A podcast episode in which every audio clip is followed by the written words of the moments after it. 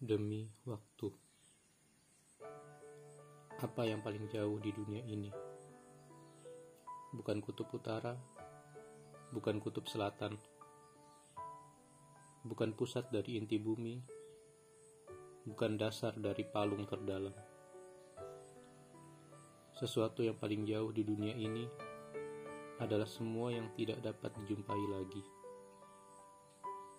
Sesuatu yang paling jauh di dunia ini adalah semua yang tidak dapat diraih lagi, meskipun dengan berlari kencang. Sesuatu yang paling jauh di dunia ini adalah semua yang tidak dapat kembali, semua tidak akan sama lagi. Waktu yang telah berlalu. Demi waktu yang melarutkan kenangan dalam secangkir panas, hangat, dan dingin kehidupan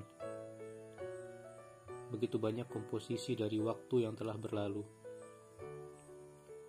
Banyak juga orang yang menganggap waktu yang telah berlalu sebaiknya dilupakan. Padahal masa kini dan masa depan berkaitan erat dengan masa lalu. Kesalahan di waktu yang telah berlalu akan memberikan pelajaran dan membentuk pribadi bijaksana. Keberhasilan sebagai buah dari waktu yang telah berlalu akan memberikan pelajaran dan membentuk pribadi penuh rasa syukur.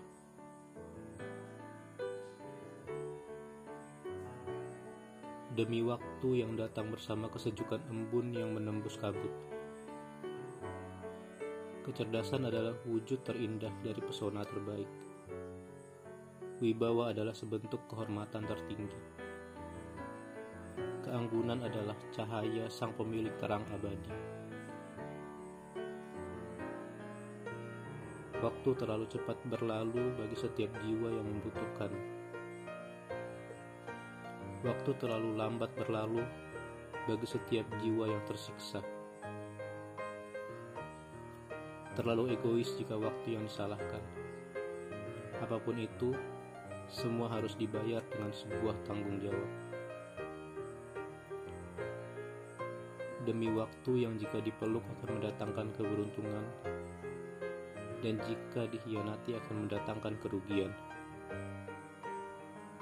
Begitu banyak ambisi dalam nurani, begitu banyak rencana dalam angan, begitu banyak target dalam pikiran. Tugas abadi manusia adalah berusaha dan berdoa. Semoga Tuhan meridhoi dan mewujudkan semua ambisi, rencana, dan target, sehingga tidak hanya berada dalam nurani, angan, dan pikiran, tetapi menjadi sebentuk kenyataan. Penghujung Negeri 28 April 2021 Lukman Prayoga ditandatangani secara elektronik.